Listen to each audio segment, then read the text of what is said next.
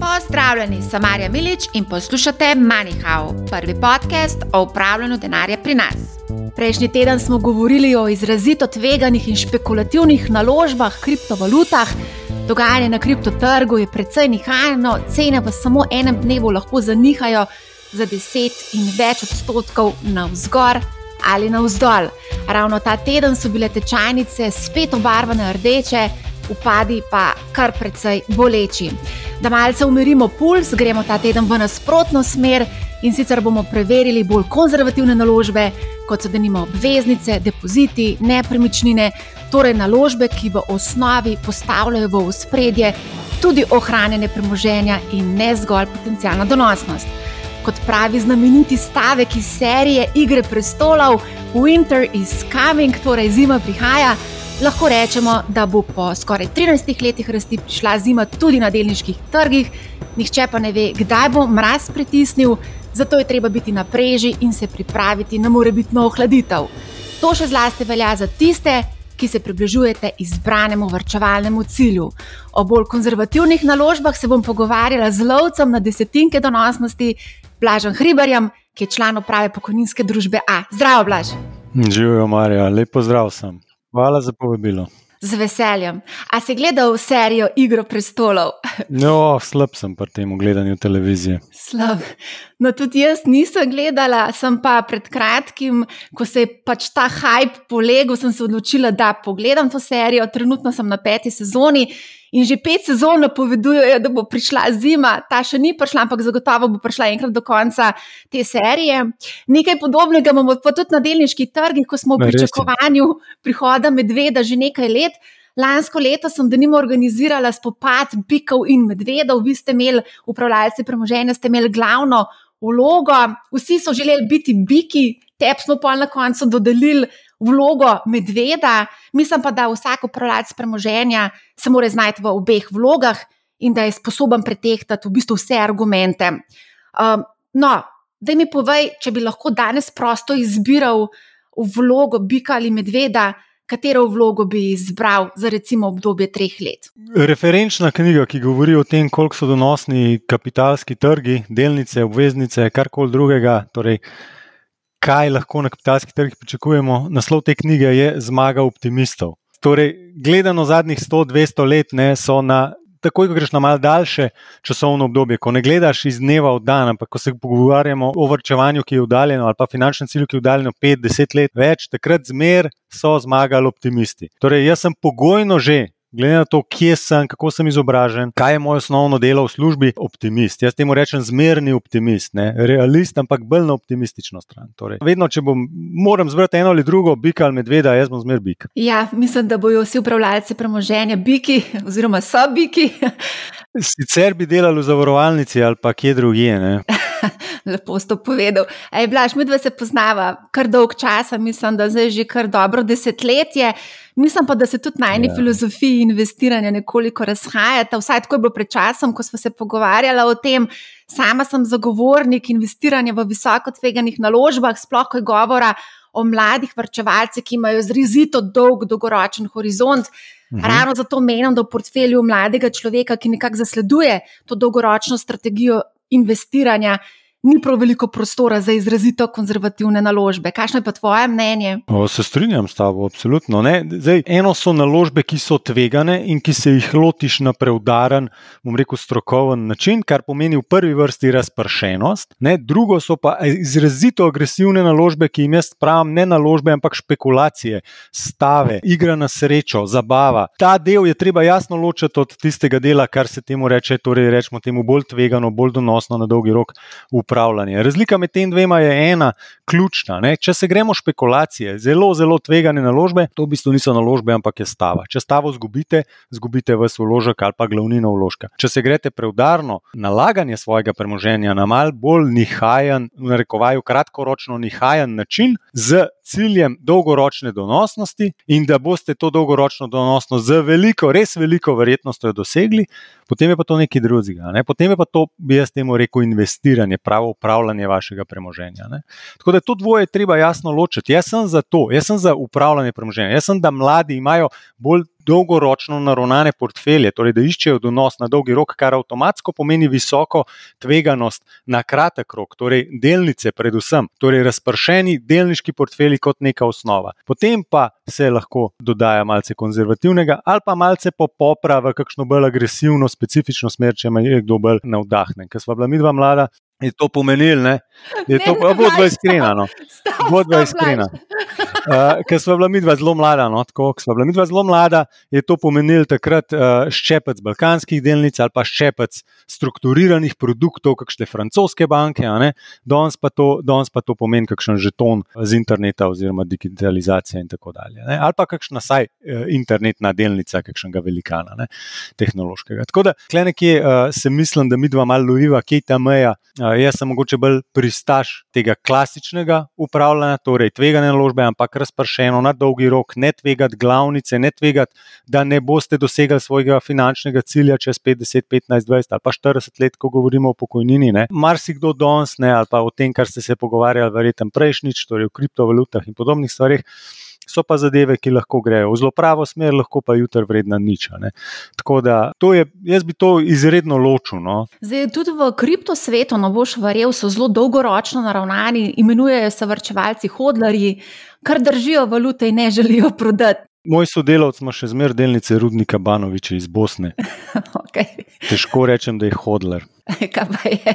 Ne vem, noče priznati izgube, oziroma ne more prodati te delnice več. Uh, v glavnem, zdaj, ki se je tako grdo postaral, uh, greva, ja, greva, še, greva še malo uh, pogledati ta, ta drugi scenarij. Življenjska doba se v bistvu podaljšuje in mi v, v bistvu pokoju živimo še recimo 15-20 let, nekako se pokojimo pri 67, potem nas pa čaka še kar nekaj desetletij, oziroma vsaj dve desetletji življenja kolikšen del portfelja pa ne bi imel sveže pečen upokojenc, recimo v bolj tveganih uh, naložbah?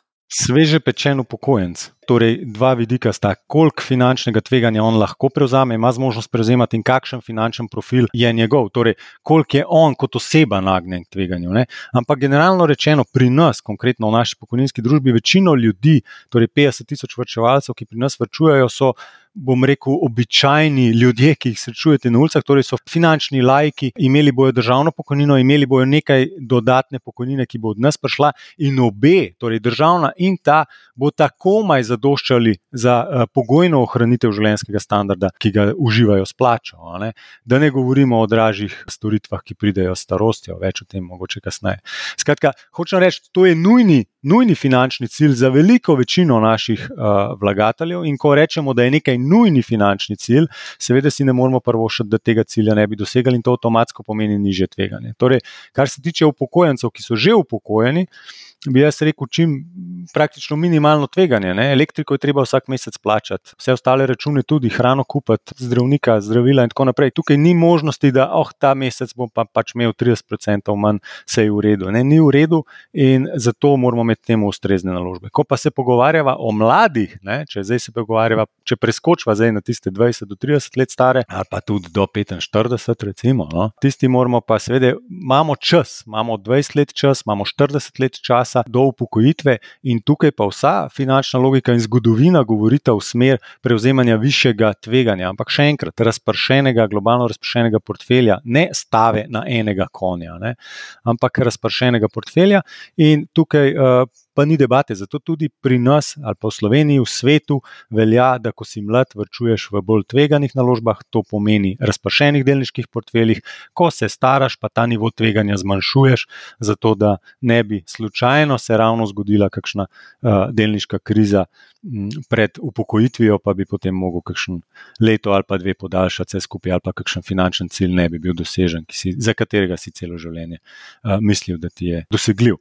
Torej, začnemo z delnicami, proti upokojevanju gremo, zmanjšujemo in v konkretno našem primeru zadnja leta vrčevanja za dodatno pokojnino, ker so to zneski, ki so nujno potrebni našim vrčevalcem, uh, so oni v tako imenovanem garantiranem zajamčenem skladu, kjer jamčimo glavnico in jamčimo še dodaten donos. Ko pa greste v pokoj, je pa v Sloveniji to tako narejeno, da v bistvu dobite fiksno rento, lahko je variabilna, lahko je fiksna, ampak v osnovi so osnove naložbe ekstremno varne, torej je to donos, na katerega lahko računate tako močno kot na državno pokojnino. Zdaj, ko omenjaš zajamčene sklade, mislim, da kar večina od pol milijona slovencev ima denar v zajamčenih skladih, ne glede na starost. Deloma drži, ampak iskreno, Marja, od 1.1.2016, odkar recimo jih imamo konkretno pri nas, ne pa tudi generalno to velja za Slovenijo, plus minus nekaj mesecev, bom rekel, vsi novo zaposleni, torej mladi, ki pridajo recimo v Lek, Petrol, Mercator, Hofer, Ikea, recimo kot naše stranke, oni imajo privzeto opcijo, da grejo v, po starosti, torej grejo najprej v delniški sklad, potem ko dosežejo 42 oziroma 45 let, grejo v srednji sklad in potem pri 55 letih naprej v zajamčeni.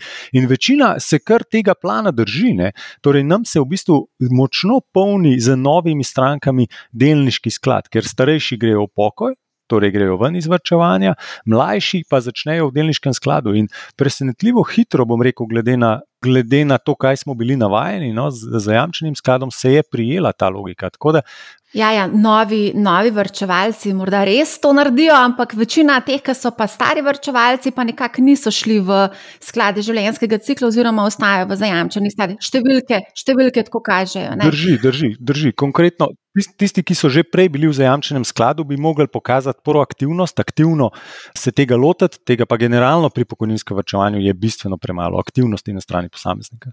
No, in te zajamčeni skladi, obrestna mera, oziroma um, donos, nekako zajamčen donos, je pač določen strani ministra za finance in za leto 2021 znaša 0,11 odstotka na leto. Tehnično gledano, če upoštevamo inflacijo, vlagateljem v zajamčeni skladi v bistvu ne ohranjajo pač tega ustvarjenega premoženja, pač realno zgubljajo na vrednosti, potem pa če dodavaš še stroške zraven ki lahko v določenih primerjih celo en odstotek znašajo, pa vstopni stroški, ki so lahko tudi do tri odstotke, in drugi stroški. To je v bistvu lahko kar problem, če se v bistvu okolje ničelnih obrestnih mer nadaljuje. Ali pač. Ja, pa ne. Bom rekel, to, zdaj, to je zdaj zelo negativen prikaz. Zdaj v številkah. Če imate denar na banki, ne, pa ga imate malo več, torej recimo za pokojnino, potem boste plačevali negativne obresti. Ne, tja do minus nič cela pet odstotka, če ga imate zelo velik, še kaj več. Skratka, banka ni neki, kjer boste dobivali donos. Pustva za inflacijo ob strani. Če greste na depozit, boste dobili nič ali pa nekaj malega, pa nič. Ne. Če pa greste v zajamčen sklad, ne, ste pa lani dobili, mislim, da 2,76 odstotka, letos smo tudi blizu 3 odstotkov, bomo videli, kje se bo končalo. Skratka, smo bistveno, bistveno nad nečem, kar nudi depozit ali pa kar nudi državna obveznica na 10 let, ki nudi nič odstotka na leto ne, in tako naprej. Torej, od konzervativnih naložbenih možnosti, ne, od konzervativnih, nekje, ki vam nekdo jamči, da boste dobili to nazaj. Ne samo, da jamčimo glavnico, banka vam tega ne jamči, banka vam izredno pove, da boste dobili manj nazaj. Uh, mi vam pravimo, da boste dobili to nazaj in še donos. Ja, donosi zdaj seveda niso veliki, ampak če so vse varne naložbe, obveznice, nič odstotno donosne, potem tudi sklad, ki nalaga v varne naložbe, ne more biti kaj bistveno bolj donosen. Mi se tukaj zelo trudimo, ne iščemo druge naložbe, uh, lahko prevzemamo malo specifična druga tveganja, ne, ne, ne kreditna, ne tveganja izgube, ampak mogoče likvidnostno. Torej, mi ne rabimo denarja nujno jutri, mi vemo, da ta denar bo pri nas desetletja ne, in temu ustrezno lahko mogoče. Malce prilagodimo, izberemo kakšno naložbo, ki je malce bolj donosna, zato ker je manj likvidna ali pa malo specifična, pa se potrudimo jo analitsko pogledati. Da, in od tukaj dobivamo dodatne donose. Imamo alternativne sklade, imamo nepremičninske naložbe, ne, ki so se nam tudi izkazale kot zelo uh, solidna, varna naložba in tudi donosna v bistvu. In, in uspevamo, uspevamo no, z analitskim delom z, z, v tem finančnem svetu pač zadnja leta ustvarjati uh, lep donos. Ne. No, zdaj, ko omenjaš ležarine, je treba tudi povedati, da se vsak evro nad 100 tisoč evrov za računa um, negativne obrestne mere. To je v bistvu fenomen tega časa. Kdaj se bomo vrnili v normalno, če temu lahko rečem, normalno stanje? To, to pa je uh, najtežje vprašanje, ki ga lahko upravljalcu pokojninskega sklada ali pa upravljalcu konzervativnih naložb postaviš. Ampak vse, vse bom probal, večkrat sem že probal, pa sem se že zmotil, pa bom še enkrat probal. Začeli so leta 2015 ekstremno, z ekstremno negativno obrestno mero pri ECB v Frankfurtu in še danes to velja. Trajalo je praktično 6-7 let, da so slovenske banke prenesle tisto, kar so v Frankfurtu leta 2015-2014 odločili na, bom rekel, slovenske ulice, do slovenskih varčevalcev v bankah. Ne. Vidimo pa, da to povzroča močne premike v miselnosti posameznikov, vidimo, da je to sprožilo premike denarja in zdaj je ključno, kdaj bo to sprožilo močno gospodarsko rast, predvsem pa pač posledično inflacijo. Ne. Naše mnenje, moje mnenje je, da se temu trenutku bližamo. Bližamo, kdaj točno, pa je ekstremno težko reči. Ne. Lahko tudi rečem, zakaj se bližamo temu trenutku. Par enostavnih razlogov je. Ne. COVID je nekaj, kar je zadržal ogromno povpraševanja na eni strani in dal ogromno zaston denarja širši množici ljudi. Ne. Od turističnih bonov do ameriških stimulus čekov in tako naprej. Ljudje imajo ogromno denarja, ta denar leži na, na banki, čakajo, veselijo se, da ga bodo lahko potrošili. Posod, kjer se je nenadoma sprostilo, recimo omejitve, zadnji primer, Angleži, ki so sprostili omejitve glede potovanj za cepljene ljudi, vidimo, da je naval ljudi na, na tiste dobre strani življenja, torej recimo potovanje, restauracije in tako dalje. Torej, pričakujem, da bo naval povpraševanja. To je eno, drugo, ljudje imajo denar, to je razlika. Tretje, niso prestrašeni zaradi finančne krize več toliko, kot smo bili. To je vse že malo bolj v kolektivno pozabo šlo. Definitivno so politiki pozabili na to in definitivno so centralne banke in drugi svetovni voditelji na to pozabili. Vsi spodbujajo k temu, da imamo okrevanje po COVID-u, pospešati, da imamo vrnce v normalno in o tej količini denarja, kar mi spremljamo, recimo pri nas ali pa v bankah ali pa pri slovenskih gospodinstvih, čisto enako je v Angliji, Ameriki in drugod po svetu. Ne? In povsod vidimo, da, da je ta, to vračanje v normalno zelo močno. Ne? In to je sprožilo inflacijo, sam zaenkrat je še argument centralnih bankirjev močen, da je to prehodna inflacija. Koliko je prehodna, bomo res videli, ko res zaključimo s COVID-om. Moja stava je, da ni tako zelo prehodna, kot bi si oni želeli. Je pa že zdaj res, da ko imaš ti pet in več odstotno inflacijo, kar jo Amerika ima, ne, vsak mesec, ko ta inflacija traja, ne, tvoj argument o prihodnosti pospešeno izgublja, izgublja na moč. Tako da bomo videli. Ampak moja glavna skrb, glavna bojazen je, da nas inflacija preseneti, da nas preseneti skok obrestnih mer. In zdaj, kdaj točno, konec koncev, je to leta 2022, je to leta 2023 ali je to decembr letos, pa bom rekel, ni tako uh, ni, ni, ni bistveno, niti ne bi poskušal ugibati. Še nedolgo nazaj um, se je ljudi veliko strašilo, da jim bo inflacija požrla vse prihranke. Ljudje so se spominjali potem hiperinflaciji še iz časa Jugoslavije. Eh, Dnevno na zadnje, ko sem se pogovarjala na nekem dogodku poslovnih finančnikov, so mi finančniki iz različnih podjetij omenjali kar nekaj različnih vrst inflacije, se pravi epizodična, prehodna, psihološka, specifična. Skratka, cel kup nekih inflacij je zdaj nastalo, pa me zanima, kakšno inflacijo upravljalci skladov, pokojninskih skladov čutite. Mislim, spremljamo mi inflacijo oziroma inflacijske, uh, bom rekel, te mere, da imamo tako reči, ki so na kapitalskih trgih glavne. Tam predvsem merimo, kakšna je pričakovana inflacija, ki izhaja iz cen finančnih inštrumentov, naprimer inflacijsko zaščitenih obveznic. In tam še zaenkrat, ker večina lastnikov inflacijsko zaščitenih obveznic in nominalnih običajnih obveznic je uh, finančnikov in torej v prvi vrsti poslušamo, kaj nam v naši, bom rekel, bom rekel, crkvi pridigajo, ta crkva je centralna banka, pridigar je pa guverner. In dokler gremo z njemu, dokler gremo po njegovih naukih in po njegovi poti, ki jo razlaga, do takrat ni preplaha. Ne. Problem pa seveda rata, če tukaj se odmaknemo od te politike in kapitalski trg se ustraši. In kapitalski trg je zelo plašna, bom rekel, riba. To je približno kot ena jata sardel. Ne. Ko enkrat neki pade v tisto jato, se zbeži na vse strani, nenadoma se premakne. Vedno znova, ko pride do šoka, je premik premik ekstremen in nenaden, in to napovedovati je ekstremno težko. Vidimo pa, da, bom rekel, se, se stopnjuje bom rekel, pritisk na spremembo politike. In tudi sami centralni bankiri že spremenjajo svojo retoriko. Vidimo, da izven Amerike, izven Evrope, centralni bankiri dvigajo obrestne mere, ne, torej Srednja Evropa, Bližnji vzhod, predvsem Latinska Amerika. Recimo, torej, v bistvu, če gremo gledati po, po svetu, ne, vidimo, da smo v bistvu v fazi dvigovanja obrestnih mer, kar je posledica zmanjševanja COVID tveganja in močnega vračanja potrošnika uh, nazaj. Ne. Prisilno vrčevanje je pustilo pač precejšnje finančne presežke pri gospodinstvih in gospodinstva uh, z veseljem pač grejo in uživajo v tem, ko je konec omejitev. Ja, ampak ECB še nekako ni napovedala, da bo uh, prenehala z odkupovanjem obveznic. V bistvu vse pričakuje, vse pričakuje, da bo končala letos z pandemijskim odkupovanjem obveznic, torej da bo deloma začela zmanjševati s tistim, kar je zaradi pandemije uvedla, torej to je res ekstrem od ekstrema. Uh, torej, klej ne govorimo o tem, da bojo obrestne mere takoj 5 odstotkov ali pa 6 odstotkov ali pa 3 odstotke, govorimo o tem, da se bo spremenila smer, v katero se denarna politika premika in ko kapitalski trgi napovejo, torej vidijo, da se politika obrača, predvidijo, kaj bo čez pol leta, čez eno leto, in tukaj lahko hitro pride do uječitve te denarne politike uh, na kapitalskih trgih. Kot sem rekel, kapital je plašna riba, ko se jo splaši v napačno smer, se premika zelo hitro. Kaj pa pričakuješ od Feda, ki ima ta teden uh, zasedanje? Feda pričakujem, da bo začel zmanjševati ekstremne uh, ukrepe, ki jih je uvedel zaradi COVID-a. Pač v Ameriki COVID kot uh, uh, ni več razlog za uh, resne omejevalne ukrepe, praktično. Uh, Lahko normalno, uh, normalno funkcioniraš, v večini držav tudi pač, uh, brez maske, in tako naprej. Torej, nimajo niti ne resnih PCT pogojev, nimajo tega, kar poznamo v Sloveniji.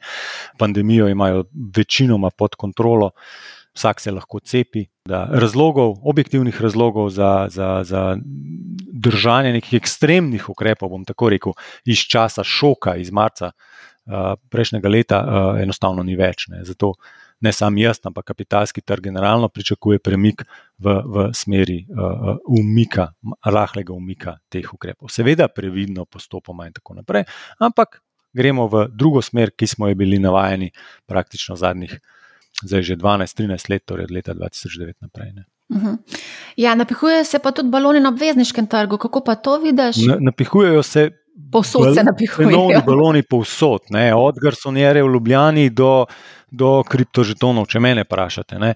Pač finančna naložba je, je, je vedno odvisna od osnovnega nivoja obrestnih mer. Ne. Vedno, vedno primerjaš na koncu to z neko varno naložbo, z depozitom, z, z nečem, kar je bolj varno. Ne. In ko je tisto varno postaja v bistvu namenoma zgubarsko, ne, takrat ljudje začnejo iskati alternative. Ne, in, in mi jih iščemo že, tako kot sem rekel, 6-7 let. Ne. Prvo naložbo smo kupili v bistvu leta 2015, nepremičninsko. Razlog so bile nizke obrestne mere in potencijalna inflacija, ki jo enkrat to lahko prenese. Tako da, ja, cenovni baloni so povsod, je pa res, da te cenovni baloni ne, imajo različno, bom rekel, intenziteto na različnih področjih kapitalskega trga. Ne. Sami dobro veste, kaj je bolj aktualno, po čem se več povprašuje. In, uh, v zadnjem času pač uh, enostavno vsi vemo, da so obveznice. Ni, ni težko pogrunta, da so obveznice zgubarska najslabša možna naložba. Ne? Torej, denar posodiš slovenski državi, da za deset let in ona ti vrne točen enak znesek nazaj. Ne? Inflacija je 2 do 3 odstotke, pravi umor bo naslednja leta, ne? torej to ni dobra naložba. Ne? In gremo v naslednjo, gremo v delnice, gremo v nepremičnine, gremo v alternativne sklade, gremo v kriptosvet, gremo, gremo v karkoli v bistvu. Ne? In posledica so pač drage, drage cene stanovanj, rast cen stanovanj, recimo konkretno v, v, v Sloveniji, nepremičnin. Po celem svetu. Sej, Slovenija ni unikum v tem svetu, ampak se obnašamo podobno, kot se obnašajo druge po svetu, in denarna politika je enaka. Ne? Tako da, ja, cene se napihujejo. Torej, če bi bila nenaden obrat v, v denarni politiki, ne, potem bi uh, to imelo močan negativen vpliv na finančne naložbe, na kere najbolj, na tiste, ki so bile najbolj popularne v procesu napihovanja premoženskih finančnih balonov. Torej, če moram zdaj špekulirati, malo bi rekel, kriptosvet se bo sesul, če centralna banka dvigne obrestne mere. Kaj pa drugi naložbeni razredi? Se bojo prav tako, ne, samo, samo intenziteta je odvisna. Ne. Obveznice, slovenske državne ne, obveznice bojo, recimo, desetletna obveznica, če gre obrestna mera iz nič na dva odstotka, bo izgubila pri deset, deset, desetletnem trajanju približno 20 odstotkov svoje vrednosti, tisti dan, ko bi se to zgodilo. Ne. Zdaj pa vi meni povete, koliko bi to imelo pol vpliva na, na, na ljubljanska stanovanja ali pa na kripto kriptosvet. Jaz menim da, menim, da bi imeli to zelo globoke posledice za, za, za vse naložbe, ki smo jih zelo vajeni bili gledati zadnja leta, kot zelo donosne in zelo uh, popularne. Za leta 2008 mislim, da smo imeli tam okrog 60 odstotni upad SMP-ja. Kako Ja. pa misliš, da bi zdaj bil lahko potencijalni upad, kako globok bi lahko šlo? Jaz primerjam trenutno situacijo saj z recimo dotcom balonom iz prehoda tisočletja. Ne. Takrat smo imeli novo tehnologijo internet, ki je napihval internetni balon. Ne, takrat. Recimo Amazon je še ena firma, ki je danes živa, ne, takrat je knjige prodajala, danes prodaja vse. In samo za ilustracijo, Amazon je izgubil 95 odstotkov vrednosti tržne kapitalizacije, torej delnica Amazona je padla za 95 odstotkov med letom 2000 in 2003, ne, torej ob poku dotcom balona. Ne. Številne, številne, preštevilne firme pa so dobesedno propadle, ki so bile takrat največje na svetu. Ne. Torej, če potegnemo usporednico, zdaj imamo neko novo tehnologijo, zopet je v bistvu zadnjih pet let tehnološki svet zvezda, ne. skoraj že čez 40 odstotkov SP 500 je v bistvu so tehnološki velikani, ne, ki pojšali tisto, kar, kar je eh, še bolj popularno, bom tako rekel. In, uh, Tukaj se bojim no, nekega takega puščanja tega, kar je bilo v zadnjih 5-6 letih uh, najbolj, najbolj popularno. Torej, tisto, kar, v bistvu, kar so v bistvu negativne, nične, negativne obrestne mere, v bistvu najbolj spodbudile z vidika rasti vrednosti. In to čist po logiki stvari je to IT sektor idealen. IT sektor je nekaj, kar razvija nove tehnologije, ki bojo profitabilne enkrat, čez pet let, čez deset let. Ne, vedno je naslednjih pet let, je, je, je mantra IT sektorja ne, ali pa vrednotenja IT sektorja. In tukaj ta problem lahko nastane, če ti naenkrat diskontiraš te oddaljene dobičke na mesto z vem, nič, ena, dva, tremi odstotki, kar naenkrat jih moš pa s petimi, šestimi, sedmimi odstotki. Ne. Kratka matematična telovadba v Excelu uh, pove, da ima to globoke, globoke učinke na vrednost takih naložb. No. Da ne pravim nujno kdaj, uh, kdaj ne, pravim pa samo, da je treba biti mal previden z eksponentnimi grafi pri, pri naložbah. Mislim, da smo teh eksponentnih grafov se kar mal na- navadili že. A, mogoče lahko poveš, če si drznaš, kdaj približno bi ti pričakoval, da bo začel um, pokati te baloni oziroma ta balon. Jaz mislim, še, še lahko pogledamo letošnje leto, malo za, za probat dobiti okus. Cepiva so marca, februar, marca, aprila so cepiva začela delovati, v razvitem zahodnem svetu so postala široko razpoložljiva, začela so delovati, upočasnila so prvotno in potem angliško različico koronavirusa, začel se je normalen življenje in takrat so ljudje malce odmaknili od zaslonov. Ne pravim, da so se čist, ampak manj kot prej. Ne? In takrat so vroče delnice, ki so bile povezane s pandemijo, ne, ki so seveda vse po vrsti bile tehnološke, ker samo ekran je deloval, pa naš drugega, začele izgubljati na svoji privlačnosti. Mogoče ne toliko absolutni, ampak relativno na druge, bolj običajne panoge. In uh, tudi Bitcoin, tudi kripto zadeve ne, so takrat izgubile malo tistega, bom rekel, blišča, ne, ki so ga do takrat imele. Ne. Uh, ne vem, drug primer je recimo, um, zdaj, če greva gledati, kako se je odzval finančni svet recimo na propad zdaj Evergrande zadnje dva dni, ne, kitajskega nepremičninskega imperija, praktično največje svetovne eh, nepremičninske družbe. Oni so zdaj v finančnih težavah in se to pač pozna v finančnem svetu. Bitcoin ali pa kriptosvet je zopet takrat, ko je bil finančni svet v težavah, ko se je denar umaknil iz tveganih naložb, ne, da jim tako rečem, se je deloma umaknil tudi iz vseh tveganih naložb. Ne. Čeprav morda bi kdo rekel, da to nima nobene povezave, se strinjam, ampak ljudje, ki imajo ta denar, ki ga vlagajo na kapitalski trg, ko se oni umaknejo, se umaknejo iz vseh, bom rekel. Tveganih naložb. Ne. In če rečeš, da Kitajski ne bo šlo dobro, ne, Kitajska je pomembna ne samo pri surovinah, ampak tudi v tehnološkem sektorju, kot nekdo, ki uporablja te storitve, kot nekdo, ki jih lahko regulira. In tako naprej. Tako da vse je povezano, no, to mogoče bi jaz bolj rekel. No. Če, gre, če bo šlo zelo slabo, generalno gospodarstvom, če bo inflacija, če bo vse šlo v smeri recesije in neke, bom rekel, slabega razpoloženja na finančnih trgih, ne, potem to bo zajelo brkane kapitalske trge kot celoto. Na začetku sem te vprašala, um, če bi se v katero vlogo bi prevzel bik ali medveda, si bil bik, zdaj mi bolj tole vleče na medveda. Ja, mogoče, mogoče z vidika, z vidika uh, kot da upozarjam na tveganje, kje vidim potencialno res neko tveganje, ki bi lahko bilo znatno, pa se ne govori toliko, bom rekel, temu, vsaj v, v, v splošni javnosti. Ne. Na to nekako pripravljamo mi naš portfelj, da če bi do tega prišlo, da ne bi utrpelo ogromnih izgub, ne, ampak da bi bile te izgube pod nadzorom in nadzorovane. Ne. To je neka, bom rekel, cela logika za to zajamčeni sklad, za to pokojninski sklad, za to dodatna pokojnina. Ne, mi smo tukaj, do, da zdržimo te pretrese in pritiske, do zdaj nam je šlo zelo v redu. COVID smo mirno preživeli, ravno zato, ker smo tako upravljalec, ne smo lahko izkoristili tudi priložnosti, ki jih je ta šok na finančnih trgih ponujal, ne, in smo uh, temu ustrezno, imamo solidne donose, tudi med drugim. To je neka, bom rekel, logika za naprej, kako se pripraviš na neke čudne scenarije, bom rekel, za širšo javnost, ampak ravno te čudni scenariji, ta prava, bom rekel, telovadba so ta prava tisto delo, ki ga mi delamo. Jaz se popolnoma s tem strinjam. No, zdaj, ko omenjaš um, nepremičninskega kitajskega giganta Evergrande, on je tik pred tem, da gre v bankrot.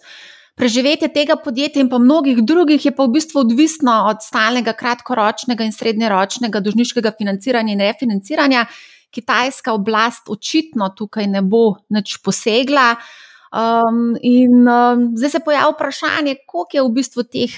Evergrande pod površjem in kakšne so lahko implikacije na finančni trg, na trg surovin, pa mogoče tudi na splošno na gospodarstvo. Doskrat podcenjujemo Kitajce. Mnenja bojo tukaj močno uh, deljena, no? ampak moj komentar konkretno tega je, da uh, Evergrande je posledica v bistvu spremembe politike uh, kitajske partije. Torej, oni so se zdaj spravili iti urejati, aktivno urejati bom rekel, balonov ali pa drugih tegob, ki tarejo njihovo družbo. Med drugim so recimo omejili, koliko so otroci lahko uh, za zasloni, koliko kdaj konkretno lahko igrajo igrice, čez vikend samo in tako naprej. To je recimo en primer. Drug primer so pa predraga stanovanja, preveč špekulacije na nepremičninskem trgu. Torej, tudi oni niso imuni na. Recimo, podobno kot se pogovarjamo v Ljubljani o cenah nepremičnin, enako se oni pogovarjajo. In, uh, torej, tam je šlo vse skupaj, pa po mnenju njihove partije, njihovih voditeljev predaleč in oni so temu aktivno, ker pač so enostrankarski sistem, pač stopili so jim na prste, ker so bili. Pretvegani, preagresivni, preveliki, se jim je zgodilo, kar se jim zdaj dogaja, in bojo v fazi uh, finančnega prestrukturiranja. Jaz tukaj ne bi stavil na to, da Kitajska bo pustila, da oni propadejo in da to sabo pripelje propad Kitajske kot take, ne, kot so se včeraj, recimo na finančnih trgih, nekateri izbali. Jaz menim, da ne. Jaz mislim, da bolj želijo podati lekcijo vsem real estate, eh, torej nepremičninskim investitorjem, razvijalcem in tako naprej, da naj se bolj odgovorno, bolj preudarno vedejo, ker sicer lahko tudi ne, se jim zgodi, kar se bo zgodilo Evergrande. In če želiš dati pouk, ne, torej poučiti celotno uh, panogo, ni, ni lepšega, kot da največjega in najbolj glasnega podučiš. Ne. Tako so naredili recimo z, z Alibabo, z, z njihovim ustanoviteljem, lastnikom Jack Mayom, ki ga ni bilo nekaj mesecev na spregled. Tako so zdaj naredili z tehnološkimi velikani in tudi uh, nepremičninski sektor. In tako da jaz mislim, da je to del njihove politike in če bi to ratalo preboleče, torej vplivalo na celotno njihovo gospodarstvo, na Kitajsko kot celoto, potem bi oni tukaj seveda vstopili in uh, poskrbeli za urejeno prestrukturiranje podjetja. Mogoče še to, ne? to podjetje je vedno bilo uh, slabo bonitetno podjetje, torej junk bondi. Kdorkoli je kupoval njihove obveznice, jim posojal, če je saj mečken truda vložil, vsaj pet minut po Googlu, je ugotovil, da je to slab dolžnik. Pika, ne? Da ne rečem, da smo se že 15 let pogovarjali o kitajskem centralno-planskem gospodarstvu, ki gradi stanovanja kar tako na zalogo, ne stanovanja, cela mesta, in da je to pač vprašanje časa, kdaj bojo tudi kakšno napako naredili. Ne? In zdaj izgleda, da je prišel. Recimo, ne, saj nek prvi račun za to. Tako da jaz ne bi rekel, da je to takih razsežnosti, kot je bil ameriški uh, subprime takrat uh, nepremičninski trg financiranja, ki je bil strukturiran. Skratka, to, to so bile veliko večje zadeve, po mojem mnenju. To so bile reklamirane kot uh, strani bonitetnih ocen, kot varne naložbe. Tukaj niti slučajno, niti malo nismo blizu temu. Tudi obseg tega, ne, kljub tako imenovanim 300 milijardam obveznosti, ne, ko grem jaz pogledat, se usedem za Bloomberg terminal, ko pogledam obveznice dolarske, ki so bile v mednarodnem okolju izdane, govorimo prej o nekaj deset, mogoče nekaj deset milijardah dolarjev, recimo sam za hec, ne, en ta največje družbe, uh, borzne, jih zdaj merimo vrednost v trilijonih, torej tisočih milijardah. Ne. Torej, slab borzni dan odnese neskončno več mednarodnim vlagateljem, pokojninskim skladom, kot pa Evergrande. No. Tako da eh, moramo tukaj res govoriti o nekem katastrofičnem scenariju za Kitajsko kot celoto, ne, torej, da to je samo prvi znak propada Kitajske, s čimer se pa jaz uh, težko strinjam. No. no, o dogajanju na Kitajskem sem posnela res vrhunsko epizodo z Matežem Raškovičem, on je predaval predavatelj na eni od kitajskih univerz in nam je pojasnil, kako funkcionira partija in zakaj to zdaj počne. Tako da, če niste poslušali to, to epizode, vas vabim, da ji prisluhnete. V glavnem, ja, omenil se je zdaj že večkrat nepremičnine. Ravno včeraj sem se pogovarjala s kolegom in ja, omenil si tudi balone na Gorsonjerah. Ja, res je 150 tisoč evrov za 29 kvadratov v Šiški, recimo, je bilo včeraj ravno ena prodaja. Potem slišim, da bogati posamezniki tudi iščejo dobre naložbe v nepremičninah in kupujejo recimo, predvsem poslovne nepremičnine, kupujejo trgovske centre, kupujejo tudi pisarne in drugo, skratka, ampak cene, konec koncev, pod črto letijo v nebo. Pa me zanima, kot si sam tudi omenil, da iščete tudi vi uh, donose, pa me zanima, kakšna je vaša zahtevana donosnost na teh ne, uh, naložbenih, uh, na tem nepremičninskih naložbah. Očitno previsoka, ker zadnje čase na mizo ne dobim uh, ponudb. Sploh ker ni ponudbe. pred, leti, pred, leti, ja, pred leti smo pa dobili na mizo praktično vse, kar se je v Sloveniji prodajalo. Kjerkoli nepremičnino se spomnite, so, je bila ponujena tudi pokojninskim skladom v odkup, še posebej nam, ko, ko, ko so nekako zaznali, da mi to dejansko lahko kupimo in kupujemo, iščemo. Tako da, kakšen donos bi si jaz želel, da je tako reči. No, vsaka stavba se stara. Ne? Torej, rabimo tukaj vsaj 2 odstotka na leto, bi jaz rekel, dolgoročno gledano, ne? ker čez 50 let bo vsaka stavba zastarela. Ne? Če ne čez 20, pa čez 50, vsaka bo zastarela, prenoviti bo treba fasado, okna, inštalacije, streho, vse, kopalnice in tako naprej. Torej, 50 let, da je življenjska doba, torej rabim 2 odstotka na leto dati na stran. Torej, vsaj 2 odstotka mora biti, da bom ohranil to nepremičnino. Potem pa pridemo do tveganj, povezanih s tem, da boš imel prazno pisarno, povezano s tem, da bo ne vem. Kaj narobe, torej potresi, požari in podobno.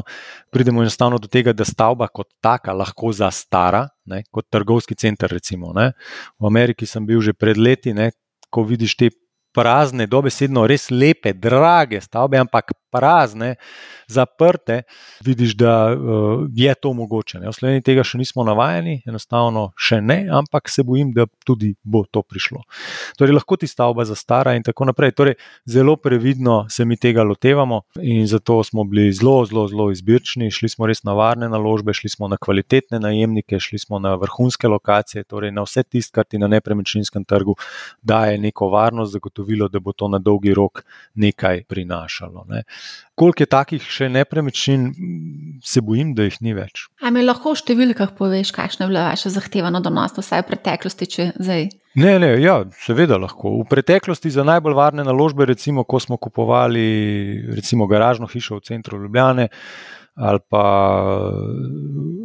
vilo ob uh, izgostinskim lokalom na Bledu in podobno so bile naše zahtevne donosnosti tam okrog 7,5 do 8,5 odstotka. Tako. Ampak to so bile res, bom rekel, dolgoročne, res varni, varni denarni tokovi takrat. Danes so te številke nižje, oziroma ni na, ni na prodaj.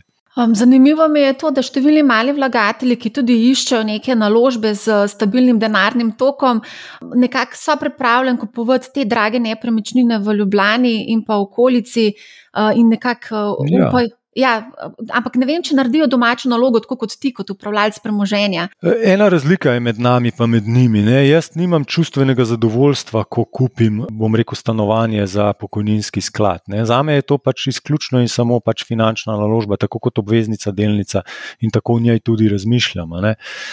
Medtem ko če kupujem pa jaz, zopet jaz, eh, recimo stanovanje, rekel bom, da je kot naložba, ampak v resnici je kot čustvena naložba, ker mi daje varnost, daje varnost mojim otrokom, da jim bom rešil stanovanski problem, daje varnost meni, da če bo šlo vse narobe, bom pa to prodal. Torej, kot neko zavarovanje za slabe čase. Torej, imam neko čustveno zadovoljstvo te varnosti, ki jo ta, bom rekel, beton, cegu, les nudi In uh, to je tudi veliko ljudem vredno. Ne? In ko hkrati gledajo na drugi strani, kaj druge varne naložbe prinašajo, ne? hitro pretehta ta čustvena komponenta. Ne? Tudi veliko lažje se je, bom rekel, v kavarni pogovarjati o nepremičninah, kot pa o depozitih te dni, kaj šele v kakšnih drugih varnih naložbah, kot so obveznice. To, to je zmer, bom rekel, taka fajn naložba. No? In, in za občutke, in tudi finančno, konc koncev, uh, ni tako zelo zgrešena. No. Še posebej, če res pride do kakšne inflacije visoke. Ravno prejšnji smo se pogovarjali o debatah, kakšne so zdaj debate v gostilnah. In mislim, da se bolj v gostilnah zdaj pogovarjajo o kriptovalutah in vseh možnih variantah trgovanja drži, s kriptovalutami. Drži. Da mi še to povej, kako je z rejt skladi? Vi investirate v rejt sklade, to ja, se pravi seveda. sklade, ki kotirajo na borzi in pa v katere? Če si lahko malo bolj konkreten tukaj. Jih, ja, lahko sem konkreten. Boston Properties uh, je en, BXP, US je tiker. Recimo. To so pisarne v ameriških velemestih, v New Yorku, San Franciscu, Bostonu in tako naprej, na najboljših lokacijah. To smo pač dodali kot stavo na popandemijsko uh, okolje. Torej, neka, neka, reč to, da bo to zanimiva naložba, ko se bomo vračali v normalno življenje brez COVID-a. Recimo, to je ena. Druga je um, EPROS, je tiker. Um, ime sem zelo pozabil. Uh, so pa recimo stavbe namenjene zabavi, kot uh, zabaviščni centri, kot Gardaland, samo da so v Ameriki, uh, vodni parki, smočišča in uh, kinodvorane. Recimo, ne. Zopet nekaj takega. To so rejti, te so zelo specifični rejti, lahko so pa tudi, ne vem, uh, Unibel Rodamko, ki kotira, ki je francoska firma, je največji svetovni lastnik uh, shopping centrov, recimo, in je tudi v ena od naložb v našem portfelju. Ne govorim, da so to izključno in največje naložbe, ampak ena od 70 naložb v delniškem skladu. Uh, je tudi ta. Na no, vse ured skladek bomo mi še naredili eno posebno epizodo, ker se mi zdi pač blazno zanimiv ta razred. Da mi še povejo o ETF-ih. O ETF-ih smo tudi posneli posebno epizodo. Številni naši poslušalci ETF-je pač dejansko zanimajo. Pa me zanima, v katere ETF-e uh, pokojninska družba investira. Pa kaj je v bistvu relevantno, ko ti izbiraš ETF? Na kaj si najbolj pozoren? Na stroške. Na stroške, pa na to, da imam na drugi strani izdajatelja ETF-a, ki je ugleden in ima neko ime, velikost in, in pomen v finančnem svetu. To je to. Zdaj, kjer mi zbiramo, mi na ETF-e gledamo kot na neko, bom rekel, osnovno naložbo, ko nimamo poseg, posebnega mnenja, kjer del, finan, kjer, kjer del delniškega trga preferiramo. Torej, In potem pač izbiramo, recimo, imamo ETF na SP 500, torej na največjih 500 ameriških uh, družb, imamo na, na Stock 600, torej na Evropski delniški indeks 600 največjih družb in tako naprej. To so največji in tudi posledično, ker so največji, najcenejši uh, ETF-i. Torej, to je to, kar zbiramo. Kar se pa tiče specifik po tem, po panogah, po regijah, po uh, nekih lastnostih in tako naprej, tam pa ETF-i hitro pridejo v bližino provizij, ki smo jih institucionalni vlagatelji varili ustvarjeni v bistvu že tudi pri običajnih skladih. Ne? Ker uh, konc koncev smo veliki vlagatelji in če prideš do nekega vzajemnega sklada, uh, z večjim zneskom seveda tudi dajo nek količinski popust. Ne? Medtem ko pri ETF-ih tega ni. Ne? Kupiš na borzi, a kupiš za milijon evrov ali za deset tisoč evrov, uh, cena je enaka, ne? oziroma upravljalska provizija je enaka. Tako da tam se pa rajš poslužujemo potem konkretnega izbora delnic, ne? ker konec koncev en ETF, če je noter deset bančnih delnic, če je to bančni ETF, evropski, ne, nima tako zelo smisla, ker uh, ravno tako lahko jaz zelo hitro pač enostavno kupim pet do deset delnic, to ni nek poseben napor in uh, posnemam indeks, ki ga ETF v bistvu posnema kot institucionalec, ne, kot fizična oseba, imajo pa davčne in druge prednosti uh, še vedno mo zelo močne. No. Zdaj, ko omenjaš tudi konkretne delnice, mogoče lahko izpostaviš konkretne delnice, ki jih imate v portfelju. Mi vsake tri mesece naredimo kvartalno poročilo.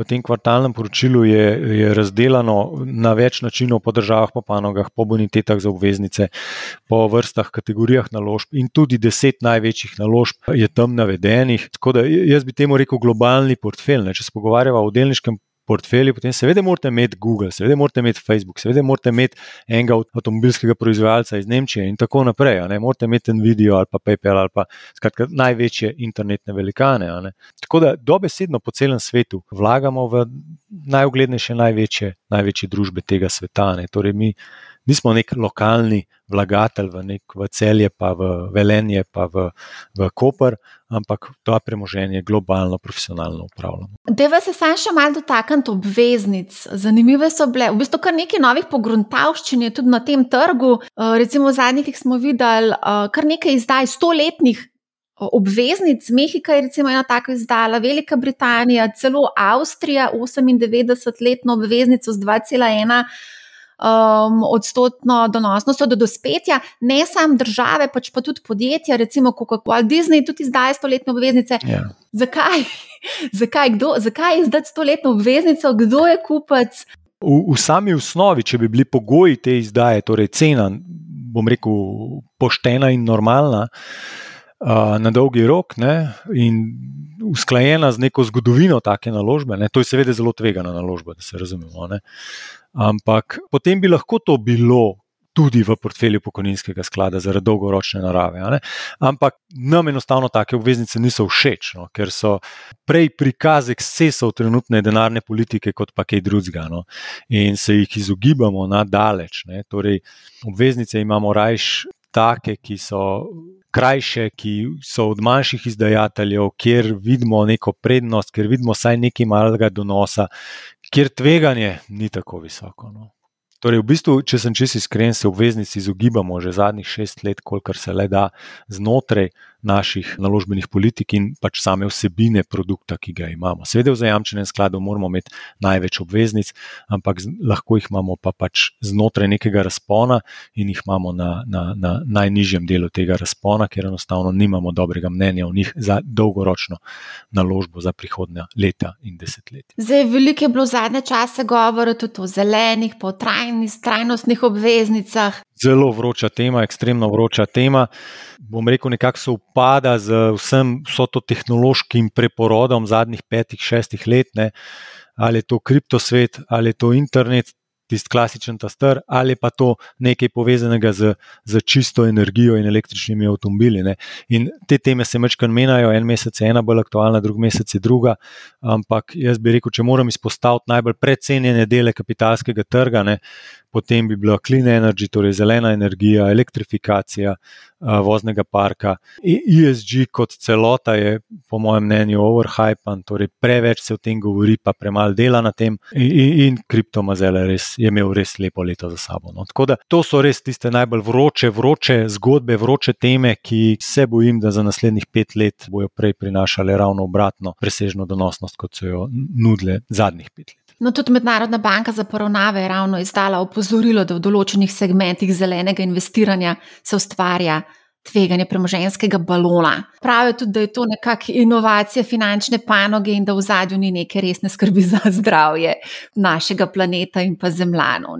Jaz, se, ja, ja, jaz se pridružujem temu mnenju z 90 odstotkov. Bom tako rekel, 90 odstotkov se strinjam, 10 odstotkov je pa tiste iskrene, dobre naravnanosti ljudi, da bi kaj spremenili na tem svetu. Ne. Finančniki nismo tisti, ki smo poklicani, no, da očistimo okolje. Ne. Zato so drugi regulatori regulatori, druge, drugi ljudje na tem svetu, smo pa tisti, da peljemo denar tja, kamor ga naši vrčevalci želijo peljati. In zadnje čase uh, je to točno v tej smeri. No. Uh, bi pa rekel tako, no, previdno. No, previdno Ena, če gremo konkretno na najbolj zanimive naložbe, recimo Tesla delnica, ne. market cap Tesla je drastično prenapihnjen, glede na to, koliko avtov, pa koliko dobička on s temi avti naredijo. Torej, če kupiš danes Teslino delnico, moš ti verjeti v širšo zgodbo Tesla, ne, torej v, v, v vse, kar Elon Musk še zmore.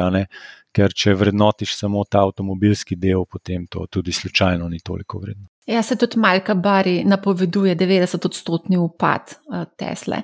Um, mogoče na začetku si. Um... Elon Musk se ne bi strinjal, ampak ja, mnenja so ekstremno deljena. No. Ja, bi rekla. Jaz bi še enkrat upozoril, če skočijo obrestne mere ne, in če se svet spremeni, ne, se bo spremenil tudi za Elon Musk. Um, na začetku si omenil inflacijsko zaščitene obveznice. Pri ja. nas na Discordu je bilo kar nekaj debate o tem, mogoče lahko poveš, na kaj biti pozoren, ko se odločiš recimo, za te inflacijsko zaščitene obveznice. To ne pomeni, da so dobra naložba, generalno. Ne. Ti kupiš inflacijsko zaščiteno obveznico, to pomeni, da če bo inflacija višja od toliko, kolikor je ugrajena inflacija v to obveznico pri tej ceni, takrat boš imel nek ekstra donos v primerjavi z nominalno. Torej, inflacija more biti višja, kot se danes pričakuje, da bo ta naložba bolj donosna kot nominalna obveznica. Težava pa tukaj je, da je nominalna obveznica ekstremno slaba. Bom rekel, zelo slaba naložba generalno in posledično, če nimaš zelo močnega mnenja, da bo inflacija res poskočila in poskočila fejst, ne, potem tudi inflacijsko zaščitena obveznica ne bo nudila nič posebnega. Konkretno v inflacijsko zaščiteno nemško državno obveznico je ugrajeno, da bo inflacija recimo 1,3 odstotna, mislim, da je zadnja številka. In zdaj šele, če bo več kot 1,3 odstotna, bo tvoj donos več kot minus nič cela 3 odstotka nominalno, kot ti nudi nominalna. Vem, da sem malo zakompliciral, ampak ključno tukaj je, da če ne bo skoka inflacije nad to, kar se danes pričakuje na finančnih trgih, potem ta naložba ne bo nič posebnega, bo slaba, tako kot bo slaba nominalna obveznica. To je bolj oblika zavarovanja pred skokom inflacije, kot pa, kot pa nekaj, kar samo po sebi bo nosilo več. Ne, bo, ne nosi več, ker, ker je v zadnji tveganje nemške države, to je pa ekstremno, ekstremno nizko in v tem okolju obrestnih mer je negativna obrestna mera. Ti si rekel, da nekako pričakuješ, da inflacija, da ni to prehodna zadeva, da bo dlje časa povišena inflacija z nami ali kako. Jaz ne bi rekel, da je to nujno osnovni scenarij, se pa verjetnost tega scenarija, po mojem mnenju, eh, viša iz meseca v mesec, tako kot jaz razberem komentarje centralnih bankirjev, podatke, ki jih gledamo, uh, številne težave. Recimo, zakaj generalno imam tako mnenje? Eno je deglobalizacija. Vse dobavne verige se premikajo bližje razvitemu svetu. Naučili smo se, da je dobavljati vse, recimo čipe iz Malezije, ne? kar naenkrat ne morejo nemški avtomobilski tovarne, ne morejo proizvajati avtomobilov, ker so zaprli malezijske tovarne, ki proizvajajo uh, polprevodnike oziroma čipe. Ne? Zakaj so jih zaprli? Zaradi COVID-a ampak na koncu tovarna v Študgartu pač ne more delati avtomobilov. Ne. To bojo premikali bližje. Ne. In uh, podobno Sueški prekop, ki je bil zaprt, ne kar naenkrat se ni dal dobiti uh, uh, ničesar več iz druge strani uh, sveta. In tako naprej. Tako da kleblo, COVID je povzročil res resne uh, probleme in tukaj bo šlo v obvladovanje tvegan, torej se bojo malo odmaknili od tega globalne dobavne verige iz sto koncev sveta, just in time z letalom ali pa z ladjo, to se premika in to viša, viša cene. To je eno. Drugo, politiki so spremenili retoriko, spremenili, kaj oni govorijo. Oni so zdaj za naložbe, Biden govori o infrastrukturnem planu, uh, v Sloveniji lahko pogledamo poglejte, koliko je žrjav, poglejte, koliko se cest prenavlja, koliko tunelov se gradi, drugi tir, karavanke, eh, ne vem, na Koroško avtocesta in tako naprej. Skratka, vsi projekti, ki so bili v mirovanju 10-15 let, so se oživeli in druge po svetu ni nič drugače. Ne. Torej, ogromno se, bom rekel, investira vse, vse zapore, ki so bile, ne, ko smo govorili o. Eh, fiskalnem pravilu, o vrčevalnih ukrepih, austerity measures, to je bila mantra deset let, tega se ne omenja več proračunski primankljaj, besede nisem slišal že tri leta, sigurno. Ne? In o tem se noben več ne pogovarja. Ker smo se mi dva spoznala, smo se samo o tem pogovarjali. Ne? Tako da svet se je spremenil ne? in uh, a se je dovolj, da povzroči inflacijo. Jaz se, jaz se bojim, da se premikamo kar zelo v, v to smer. Ko pa se to enkrat zgodi, ne, ko pa bi enkrat Fed rekel, imamo 5-odstotno inflacijo, kot jo zdaj imajo, way, ne, in ta ni prehodne narave, ali pa večinsko ni prehodne narave, ali pa pol je ni prehodne narave, in kaj se zgodi potem na kapitalskih trgih, to je tisto vprašanje, in to je pa kar, bom rekel, malce strašljiv scenarij, no, iskreno. In Ne pravim nujno, da tako bo, se je višja verjetnost in če bi do tega prišlo, potem bi bilo strašljivo. Ok, da gre vam mogoče povedati, um, kakšno so tvoje pričakovanja za, oziroma katera regija panoga se ti zdi ta hip mogoče zanimiva za investiranje na recimo na nek um, petletno obdobje? Mi probamo najti naložbe, ki so čim manj, bom rekel, finančne narave, pa čim bolj imajo neko realno, osnovno, fundamentalen pomen za našo družbo. Ne?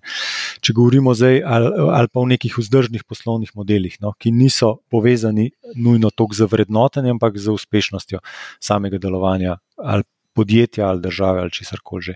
Torej, v bistvu smo mi uh, mal čudni, bom rekel, mi se postavljamo, kot sem rekel, ne, pričakujemo, da kar je bilo najbolj donosno zadnjih pet let, ne bo najbolj donosno naslednjih pet let. In če to obrnem logiko, rečem, tisto, kar je bilo najmanj donosno, najmanj zanimivo zadnjih pet let, se lahko hitro zgodi, da bo najbolj donosno ali pa najmanj zgubarsko, da je tako reči, najmanj zgubarsko naslednjih petih letih. In torej tukaj v bistvu gremo nekako mal stran od IT-ja, gremo proti farmaciji inflaciji, gremo proti trajnim potrošnim dobrinam, tudi kot okrevanje po COVID-u, gremo uh, v, v turizem kot okrevanje po COVID-u, gremo v banke kot nekaj, kar je bilo generalno strani regulatorja stisnjeno, zmaličeno, na minimum spravljeno in zvezano, ki pa zdaj vidimo, da se celotna logika mečkan spreminja posredno njim v korist. Ne. Više obrestne mere, recimo banke, so najbolj učinkovita zaščita pred skokom inflacije oziroma obrestnim merama. Tudi uh, spomladi, ko so obrestne mere začele rasti, kot močno okrevanje po COVID-u, ki se je pričakovalo deloma do poletja realiziralo, so bile banke v bistvu fantastična naložba. Ne. To je marsikoga presenetilo, uh, nas malo manj, ker smo že takrat razmišljali, kaj pa če pride do močnega okrevanja, kaj bi lahko bila zanimiva naložba in mem bank si šel težko. Potem vidiš, vem, delnico na LBA, ki je poskočila letos za 50 odstotkov. Ne. Zanimivo. Torej, take naložbe v bistvu nas, nas zanimajo, torej pocen, ugodne naložbe, ki bi v primeru scenarija, ki ga mi pričakujemo, torej konec COVID-a, močno ukrevanje, zagon inflacije, lahko bile relativno, ne pravim absolutno, relativne uh, zmagovalke. Se pa bojim, da če pride do močnega ukrevanja inflacije, bojo vse naložbe zgubarske, samo koliko kere. To je tisto, kar bomo takrat se uh, mogli uh, pogovarjati. Lunka bo zgubil najmanj, bo najbolj zmagal. No. Ti, uh, Blaž, pogovarjala sem se z kar nekaj finančniki in zanimiv je bil njihov odziv na leto 2022. Recimo, nek finančnik iz pekovske panoge je bil totalni pesimist, medtem ko finančnik iz recimo proizvajalca rezervnih delov je bil totalni optimist. Torej, kaj pa je tvoje, kakšne so tvoje pričakovanja? Imamo tudi volitve naslednje leto, 2022. Super. Volitve v Sloveniji so zmeraj velika tema, ampak kar se nas tiče, nič ne spremenijo. No. Levi, desni, sredinski, skratka, nimajo vpliva na New Yorksko borzo, nimajo vpliva na Google, Apple, nimajo vpliva na Daimler, niti nimajo vpliva na nivo obrestnih mer, ki jih plačuje slovenska država, ker se ta določa v Frankfurtu. Ne. Tako da nam, čisti iskreno, pač to, ali pa našim vrčevalcem, to ne igra finančno, hladno, racionalno, matematično gledano pomembne vloge. Kaj pričakuješ za leto 2022? 2022. No, ja, za naslednje leto, to je zdaj tik pred vrati. Uf, uh, pričakujem, da se o COVID-u ne bomo pogovarjali, predvsem se ne bomo pogovarjali o, o ukrepih za COVID. Pričakujem, da bo Freedom Day, kot ga imajo v Angliji, Balkane, uh, obšel razviti svet in da se bomo vrnili v neko pogojno normalo, saj če si uh, cepljen, prebolel in tako naprej. In da, bomo, uh, da se bojo razmerja moči uh, močno spremenila, kar se tiče kapitalskih trgov, panog. Ne. In da bojo zmagovalci COVID uh, šoka na kapitalskih trgih, poraženci v uh, naslednjem letu. Mogoče za konec sem še vprašanje, kako imaš ti trenutno sestavljen portfelj svojih naložb, Pa ne mi reči, da imaš vse v pokojninskih skladih, ki ti ne verjamem. Imam eh, veliko glavnino, imam v pokojninskih skladih. Zelo, zelo znaten znesek v pokojninskih skladih. Jaz vsako leto dodatno vrčujem, ne samo do davčne olajšave, ampak bistveno nad. Kot sem rekel, pač vse, kar jaz govorim in uh, pišem, tudi delam v pokojninskih skladih, ki jih upravljam. Sem član uprave, pristojen za naložbe, torej direktno odgovoren za to, kaj je v skladih. Um, In, in tukaj je srč mojega delovanja. Kar se pa tiče, zdaj, če hočeš kakšne bolj špekulativne naložbe, nimam tudi enega, ene kripto zadeve, um, nimam Tesle, nimam IT delnic. Imam pa, če že moramo reči, moj bias, kaj je moja stava. Moja stava je na naložbe, ki bodo v primeru, da, bomo, da bo pandemije konec, uh, uh, zacveteli. No, najlepša hvala, Blaž Hriber, za izčrpne informacije, za super pogovor. In... Želim ti še lep dan naprej. Ne? Hvala lepa, enako. Hvala za povabilo še enkrat. Ja, winter is coming. Mim, ki je nastal na podlagi priljubljene serije Igre prestolov, se pogosto norčuje iz stanja večne grožnje prihajajoče zime. Da, lahko se smejete ali pa tudi ne, zima prihaja tudi na borzo. To je dejstvo. Ne vemo sicer, kdaj bo zares pritisnil mraz, že zdaj pa lahko napovemo, da nas bo zelo zeblo. Čeprav se veliko izpostavlja nabor tveganj in težav, tudi Blaž jih je v tej epizodi veliko izpostavil, pa so ta pravzaprav od nastanka kapitalskega trga podobna. Geopolitična tveganja, nevarnost povišene inflacije, krčenje gospodarske rasti, visoka raven zadolženosti, ignoriranje problemov, gospodarsko-finančna kriza, recesija.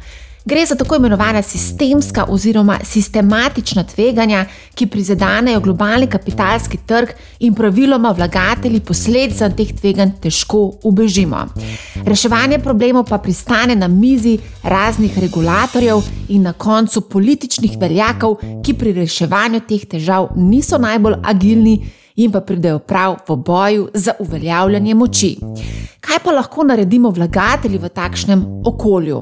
Cenovni baloni so prisotni na praktično vseh trgih, zato so se številni vlagatelji že umaknili v denar in zdaj v zavetju čakajo na vihar. Za dolgoročne vlagatelje, torej te, ki vrčujejo za cilje čez 20, 30 ali 40 let, bo to zgolj ena epizoda na njihovi vlagateljski poti. Tisti, ki pa se že približujejo cilju, pa še enkrat svetujemo, naredite analizo svojega portfelja in razmislite o spremembah, ki vam bodo omogočile mirno zimsko spanje. Predvsem se vprašajte, koliko imate zelo špekulativnih in eksotičnih naložb. Pregovorno te zelo slabo prenašajo snežni vihar. No, ko že govorimo o viharju, pa ne moremo mimo dogajanja na kitajskem. Vprašanje, ki si ga moramo zastaviti tudi mali vlagatelji, je, ali lahko posledice uveljavljene politične volje na kitajskem postane tudi naš problem. No, v bistvu je že naš problem. Tudi COVID je bil na začetku predvsem kitajski problem, pa se je potem pokazalo, da je svet bistveno bolj povezan, da bi problemi lahko ostali izolirani. Brez večjih ovir so se ti raznesli po celem svetu. Kitajska pa je v tem pogledu posebna tudi zato, ker kapital ni na vrhu seznama zaščitenih kategorij. Besede predsednika Ljudske republike Kitajske Xi Jinpinga pa so, kapital mora služiti ljudstvu. No, partije zdaj čisti neravnotežja, ki so se nabrala skozi čas, en od teh je tudi močno pregret nepremičninski trg. Tega se je lotila tako, da je že pred časom omejila maksimalno zadolženost razvijalcev nepremičnin. Mnogi so bili zato prisiljeni izvesti bolečo prilagoditev s pospešeno prodajo nepremičnin po drastično znižanih cenah z namenom razdoževanja. No, verjetno se tudi marsikateri slovenec ne bi pritoževal, če bi cene nepremičnin upadle za 25 odstotkov in več, tako kot so na kitajskem. Kitajski nepremičninski gigant Evergrande, o katerem zadnje tedne pišejo dnevno svetovni mediji, je eden tistih, ki ukrepa železne roke najverjetneje ne bo preživel. Njegov obstoj in obstoj mnogih drugih igralcev iz panoge je odvisen od stalnega dostopa do dožniškega financiranja. Ker pa centralna kitajska oblast ne kaže nobenih resnih namenov pomagati večinoma zasebnim podjetjem pri izpolnjevanju njihovih obveznosti, so kupci obveznic in kreditojemalci čez noč pritisnili na zavoro in dožniški trg je dobesedno zamrznil. Zdaj se pojavi vprašanje, koliko je takšnih podjetij, kot je Evergrande, pod površjem in kakšne so lahko implikacije na finančni trg, pa tudi na trg surovin in ne na zadnje celotno gospodarstvo. Tej panogi, kot tudi konkretno Evergrandu, so neposredno in posredno izpostavljene tako evropske kot ameriške finančne inštitucije prek obveznic in drugih inštrumentov za financiranje. Različna rudarska in kemična podjetja, ki so močno vezana na kitajski gradbeni sektor, pa že čutijo negativen vpliv. Najbolj zanimivo je, da je bil Evergrande kot vnaprej signalizirana in kontrolirana detonacija, sem nekje prebrala. Torej, vsi so imeli čas, da se pripravijo na to, da bo partija, podjetnike, katerih dobički in pohleb so se razbohotili v zadnjih desetletjih, podočila skromnosti. Na koncu pa to ni zgodba o kitajski, vendar o neuzdržnih oziroma slabih ravnotežjih na različnih segmentih gospodarstva in finančnih trgih. Za male vlagatelje pa je tudi tu lekcija in sicer, da nikoli ne vemo, kdaj se trg pogosto čez noč odloči, da je zima prišla. kako se pripraviti na zimo, si pa lahko poslušate tudi v epizodi Nazaj v pekel borznega zloma. Če imate kakršno koli vprašanje, mi pišite na marja.afnabusinessspace.com ali preko katerega od družbenih omrežij. Naročite se na podcast Manihau, zelo bom vesela, če boste posredovali informacijo o podkastu prijateljem, znancem, sorodnikom in vsem, za katere menite, da bi jim vsebina lahko koristila. Poslušajte Manihau, ne bo vam žal. Lep pozdrav!